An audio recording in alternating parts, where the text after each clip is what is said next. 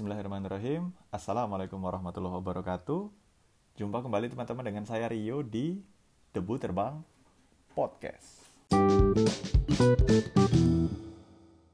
Sudah episode ke-19 dan ini episode terbaru setelah vakum yang luar biasa panjang di podcast ini. Tapi kebetulan baru ada ide lagi dan coba ditulisin di blog ternyata kok kayaknya panjang banget. Jadi saya kembali menyentuh podcast yang sudah lama nggak terurus ini.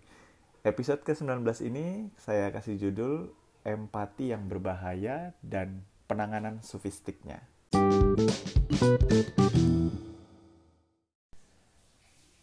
seorang direktur di sebuah perusahaan sedang dihadapkan pada keputusan yang sulit yaitu perusahaan ini berada di ambang kebangkrutan untuk mencegah efek kerusakan yang lebih parah, maka dengan berat hati sebagian karyawan harus di PHK. Nah, eh, pada hari H saat direktur ini harus menyampaikan keputusan yang berat itu, satu hal yang unik terjadi. Hal yang unik tersebut adalah tiba-tiba sang direktur itu merasakan emosi dari orang-orang yang ada dalam ruangan itu. Dia merasakan kesedihan, dia merasakan barangkali kegalauan, kemarahan dari orang-orang yang ada di ruangan itu. Tetapi perasaan yang dia rasakan ini, emosi-emosi yang dia terima dan dia dia rasakan dalam dirinya ini, ini melebihi empati biasa. Kita kan dari kecil mengenal istilah tepo seliro gitu ya. E, empati ikut merasakan kesedihan orang lain. Tetapi ini berbeda. Kalau hal yang kita kenal sejak kecil istilah-istilah yang normatif di pelajaran waktu kecil itu itu adalah uh, ya ada orang sedih kita ikut oh saya ikut bersedih gitu aja sebatas itu aja. Tetapi ini berbeda. Kesedihannya itu betul-betul seperti merasuk dan bahkan sang direktur tersebut tidak bisa membedakan apakah yang sedih itu dirinya apa orang lain dirinya menjadi seperti spons eh, busa untuk cuci piring itu yang menyerap segala sesuatu yang ada di sekitarnya. Jadi singkat cerita emosi orang lain terserap dan terasakan seolah-olah ada di dalam dirinya. Nah, orang-orang yang bisa menyerap emosi orang-orang di sekitarnya atau yang bisa merasakan emosi dari orang-orang yang terkait dengan dirinya meskipun berada berjauhan ya mungkin ber, berkilo-kilometer atau bahkan uh, beda tempat beda negara orang-orang seperti ini uh, disebut dengan istilah empat. Empat uh, dari kata empathy ya empati uh, mereka disebut sebagai orang-orang empat. Nah sebuah ilustrasi yang bisa menggambarkan empat ini misalnya begini. Seorang empat ini awalnya dia moodnya biasa-biasa saja saat di kantor misalnya. Kemudian uh, ada sesi rapat saat dia memasuki ruangan di ruangan rapat tiba-tiba moodnya berubah drastis. Dia tiba-tiba merasakan kesedihan atau kegalauan. Nah, padahal rasa sedih dan rasa galau itu itu bukan perasaan dirinya, tetapi perasaan orang lain yang ada di dalam ruangan itu dan dalam tanda kutip terbaca oleh orang empat ini. Karena dia seperti spons jadi dia menyerap emosi orang lain merasakan emosi orang lain seolah-olah itu dia sendiri yang mengalami itu. Nah bahkan orang-orang empat ini kadang-kadang dia kesulitan untuk membedakan loh ini yang sedih itu saya atau ini emosi orang lain? gitu. Tanpa tanpa keterampilan dan uh, ketekunan untuk untuk mengamati detail emosinya pribadi dia akan kesulitan membedakan ini emosi orang lain atau emosi dia pribadi. Jadi singkat kata seperti spons dia bisa menyerap dalam tanda kutip membaca emosi orang lain. Nah, menjadi seorang empat ini atau menjadi seorang yang sangat peka terhadap emosi-emosi orang lain ini, merasakan seolah-olah emosi orang lain itu emosi dirinya sendiri, meskipun orang lain itu tidak ngomong apa-apa ya tapi dia bisa membacanya kadang-kadang tanpa dikehendaki terbaca sendiri. Ini seperti pedang bermata dua. Dalam satu sisi dia bisa dimaknai sebagai anugerah karena seorang empat kemudian bisa mengetahui uh, sebenarnya emosi apa yang ada di balik penampilan seseorang. Boleh jadi dia mukanya seperti bahagia, tetapi dalam hatinya ada emosi kesedihan, itu bisa terbaca. Tetapi di satu sisi yang lain, menjadi seorang empat juga merugikan. Karena bayangkan saja misalnya di kantor sedang mau meeting, tiba-tiba ada emosi-emosi negatif menyambangi dirinya, tiba-tiba ada perasaan galau, perasaan sedih yang itu sebenarnya bukan perasaan dia, tetapi perasaan orang lain yang terserap oleh dirinya. Nah ini pedang bermata dua.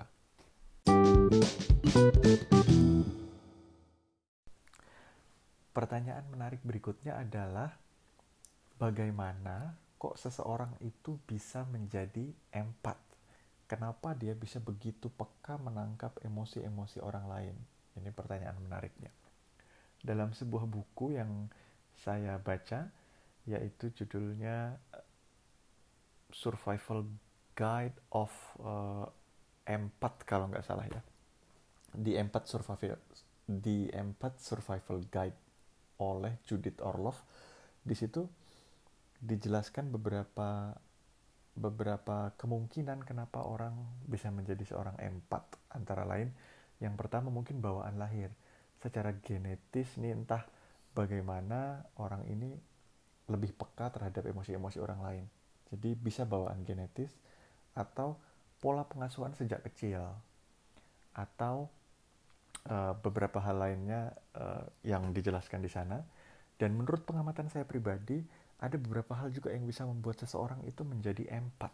Antara lain, uh, misalnya dia melatih sendiri melatih dirinya untuk peka terhadap emosi-emosi orang lain dengan uh, pelatihan-pelatihan teknik-teknik uh, spiritual tertentu atau dia adalah seseorang dengan welas asih yang tinggi. Jadi orang ini memang penyayang, uh, care dengan orang lain, uh, penuh welas asih lah intinya. Saat seseorang dia punya rasa sayang, rasa welas asih yang tinggi kepada orang lain, kadang-kadang, nah ini, ini yang menarik, saat seseorang punya rasa welas asih yang sangat tinggi kepada orang lain, kadang-kadang orang ini melakukan apa yang dalam uh, salah satu istilah psikologi yang saya baca di bukunya Mark Manson disebutkan orang ini merimove dia punya personal boundaries. Batas-batas personal di dirinya dia hilangkan. Saking welas asihnya dia dengan orang lain. Seperti apa merim, orang yang merimove uh, personal boundary-nya itu? Contohnya seperti ini. Uh, anggaplah seseorang ini adalah orang yang suka membaca buku misalnya ya. Kemudian ada bazar buku yang diadakan di sebuah tempat yang mungkin menghabiskan sekian jam perjalanan dari tempat dia menuju ke tempat tersebut dia berencana ingin menghadiri acara bazar buku itu, tetapi karena kebetulan temannya, teman dekat yang biasa kalau e, pergi ke mana-mana gitu ya, karena temannya tidak mau pergi, maka dia membatalkan uh, niat untuk pergi ke tempat bazar buku tersebut. Alasannya apa? Alasannya adalah karena dia merasa tidak enak kalau dia pergi, jangan-jangan nanti temannya ini merasa kesepian tidak ada teman. Nah, misalnya begitu. Jadi orang-orang yang punya rasa ulas asih yang tinggi, kadang-kadang dia membuang batas-batas personalnya itu karena dia merasa dia harus eh, menjadi apa ya problem solver penyelamat bagi orang lain seperti contoh yang tadi mungkin temannya sendiri tidak merasa bahwa dia harus ditemanin harus eh, apa ya harus kalau kamu mau berangkat ke bazar buku tapi saya nggak mau kamu harus stop terus nemenin saya nanti saya kesepian gitu. Bo boleh jadi temannya tidak beranggapan seperti itu. Tetapi karena si empat ini tadi dia punya rasa welas asih yang tinggi dia selalu merasa wah ini saya ndak enak wah ini salah saya gitu. Ini ini rasa welas asih yang tinggi seperti ini yang membuat dia uh, melepaskan batas-batas personalnya dalam bahasa psikologinya removing personal boundaries.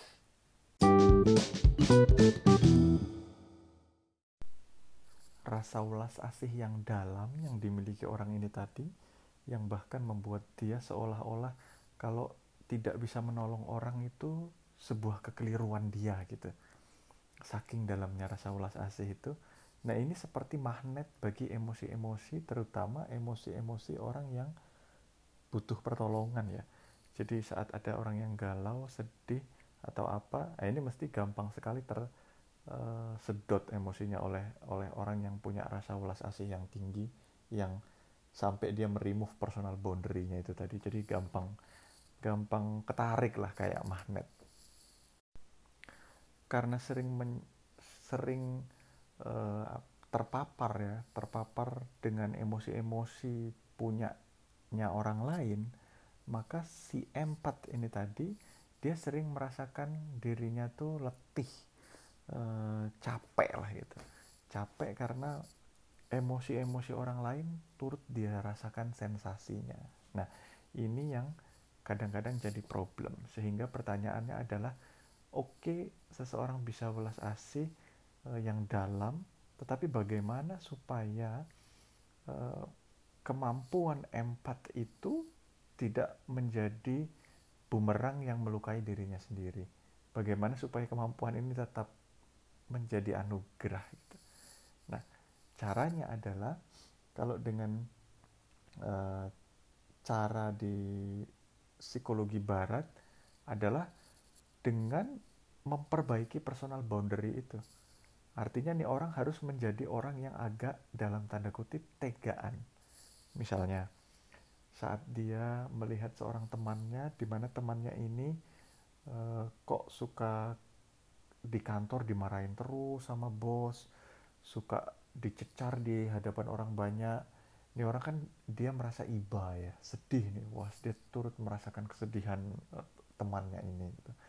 nah kalau uh, cara membangun personal boundary menurut uh, psikologi ala barat adalah kamu oke okay, kamu kasihan kepada temanmu itu tapi kamu harus ngasih tahu dia akar masalahnya dong. Misalnya akar masalah temannya ini adalah dia ini suka begadang karena dia suka begadang akhirnya dia uh, datang ke kantor kesiangan karena dia datang ke kantor kesiangan pas kerja dia jadi tidak fokus dan sering dimarahin bos gitu. Jadi harusnya kita kasih tahu eh kamu kalau mau nggak mau dimarahin bos ya kamu uh, jangan begadang dong. Kamu datang ke kantor lebih lebih pagi dong biar kamu bisa fokus ngerjain tugas gitu nggak nggak sambil ngantuk. Itu caranya kalau kamu beneran mau berhenti dimarahin bos gitu. Nah cara seperti cara seperti itulah yang yang setidaknya yang saya baca dalam bukunya Mark Manson untuk memperbaiki personal boundary supaya orang ini kembali menjadi uh, punya batas yang tegas antara dirinya dirinya orang lain orang lain kamu bertanggung jawab terhadap emosimu sendiri, saya bertanggung jawab terhadap emosi saya sendiri. Nah, kita tidak bertanggung jawab atas emosi orang lain, menurut Mark Manson ya. Karena ini orang lain kamu mau sedih, mau apa, itu emosimu sendiri. Oke, saya membantu kamu, tetapi apakah kamu sedih atau kamu gembira atas solusi yang saya tawarkan itu punyamu sendiri gitu. Saya nggak bisa mengatur bagaimana kamu manage emosimu gitu. Itu cara menurut psikologi barat untuk membangun batas pribadi yang tegas dia bilang untuk ngeset strong personal boundary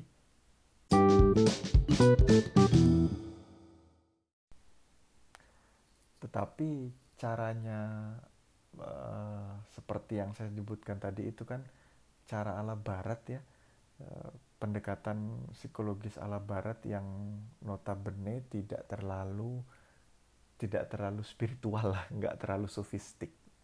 Saya penasaran bagaimana e, metode sofistiknya ya untuk membuat seorang empat ini agar dia tidak tidak apa ya tidak exhausted tidak menjadi letih dan capek dengan kepekaannya membaca emosi orang lain itu biar dia tidak biar anugerah yang dimiliki tidak malah menjadi bumerang. Nah ternyata belakangan baru saya mengerti bagaimana pandangannya secara sufistik. Cara untuk mengatasi supaya anugerah kepekaan itu tidak malah berubah menjadi bencana yang menyulitkan dirinya adalah pertama orang ini harus betul-betul memahami paradigma tentang takdir. Dia harus mengerti bahwa segala hal yang terjadi di dalam dunia ini sebenarnya mengikuti rentak takdir dan tidak mungkin random. Dengan begitu, dia bisa mengerti bahwa bukan hanya dirinya yang mengikut rentak takdir, tetapi orang lain pun sudah ada plotnya sendiri-sendiri dan punya takdir sendiri-sendiri. Jadi, apakah orang lain itu misalnya eh, keluar dari masalahnya atau tidak, eh, bisa selamat atau tidak, atau apakah diri kita sendiri, apakah kita bisa menolong orang itu atau tidak, itu semua akan mengikuti rentak takdir yang sudah tersusun rapih di lauh mahfuz. Pemahaman ini harus dipahami dengan benar-benar agar kita bisa terlepas dari merasa beban yang berlebihan saat kita tidak bisa menolong orang lain atau merasa keakuan yang berlebihan saat kita bisa menolong orang lain. Nah, dengan dia bisa memahami bahwa setiap orang punya takdir dan skrip masing-masing di dalam hidup ini, dia akan uh, punya apa ya? punya batas personal yang lebih tegas. Jadi dia tidak saat dia tidak bisa menolong seseorang misalnya, dia tidak akan terlalu kecewa karena dia menyadari bahwa orang ini sudah ada takdir yang harus dia ikuti. Orang ini akan berjalan mengikut rel kehidupannya sendiri gitu. Jadi eh, dia hanya berbuat saja, tetapi apakah itu nanti berakibat secara langsung eh, akan akan bagus hasilnya atau tidak kita nggak tahu karena setiap orang berjalan mengikuti relnya masing-masing. Nah itu yang pertama kepahaman mengenai mengenai takdir harus dimiliki dengan lebih lebih detail agar seseorang itu bisa mengembalikan uh, personal boundary-nya secara sehat. Yang kedua adalah ini agak agak sedikit lebih sofistik adalah dengan cara dalam tanda kutip masuk ke dalam. Orang ini harus uh, terbiasa ingat Allah, masuk ke dalam dirinya sendiri, kemudian dia masuk ini maksudnya dia merenung ke dalam ya. Dia dia bertafakur, ingat Allah dan dari dalam dirinya dia melihat dunia luar seperti drama. Jadi saat dia bisa melakukan itu, nanti dia akan uh, seperti detach, ya, seperti seperti melepaskan diri dari keterikatan terhadap dunia luar, karena dia sadar bahwa uh, dia hanya berjalan mengikuti rentak takdir dan kehidupan yang dia amati dari dalam itu kehidupan di luar ini ini semua adalah kehidupan uh, yang punya skrip masing-masing drama besar panggung sandiwara besar untuk menceritakan tentang uh, tentang Tuhan gitu. nah dengan punya cara pandang seperti ini seorang empat saat dia bisa Eh, saat dia membaca, saat dia merasakan emosi-emosi kesedihan, kegalauan, atau masalah yang dimiliki orang lain, dia tidak akan terlalu nelongso karena dia sudah punya batas yang tegas bahwa oke okay, dia melakukan sesuatu apa yang dia bisa bantu, tetapi pada akhirnya orang yang bersedih ini, orang yang galau ini atau orang yang punya masalah ini uh, akan berjalan mengikuti seperti apa skrip yang sudah Allah Subhanahu wa taala tuliskan untuk orang ini gitu. Karena tidak ada di dalam dunia ini sesuatu yang random, semua pasti ada awalan dan akhiran yang berhikmah gitu. Seperti misalnya contoh saja misalnya uh, kalau kita tidak sekolah di SM, SMP atau SMA tempat kita sekolah dulu misalnya mungkin kita tidak akan kuliah di tempat kuliah kita yang sekarang. Nah kalau kita nggak kuliah di tempat kita yang sekarang barangkali kita tidak bertemu dengan pasangan hidup kita misalnya ya. Kalau kita nggak bertemu dengan pasangan hidup kita toh anak kita mungkin tidak lahir. Nah kita nggak tahu rentetan kejadian ke depannya barangkali ada salah satu keturunan kita itu yang jadi presiden Indonesia misalnya ya. Nah, ternyata pilihan kita sekolah di salah satu tempat atau sekolah di tempat lainnya itu kalau dipandang secara runtutan kejadian uh, dan efek-efek yang panjang boleh jadi punya imbas yang sangat besar di kemudian hari gitu. Jadi yang saya coba jelaskan di sini adalah nggak mungkin suatu kejadian itu berjalan secara random. Dia mesti sudah punya implikasi-implikasi ke depannya. Nah implikasi-implikasi ke depannya itu semua itu itulah uh, plotnya takdir ya jadi saat seorang empat dia memahami plot takdir ini dia akan uh, akan lebih tenang gitu. Jadi jadi dia tetap peka dia tetap merasakan uh, emosi-emosi orang lain tetapi itu tidak membuatnya nelongso berlebihan karena menyadari oh orang ini ada skripnya yang sedang dia jalani orang ini ada takdir yang sedang dia jalani yang mana takdir ini mesti ujungnya ada hikmahnya gitu. Nah kita membantu sebisa kita tapi apakah persoalan orang ini selesai sekarang kah atau nanti kah atau memang nggak selesai-selesai dengan ada hikmahnya tersendiri kah itu tergantung skripnya orang ini sendiri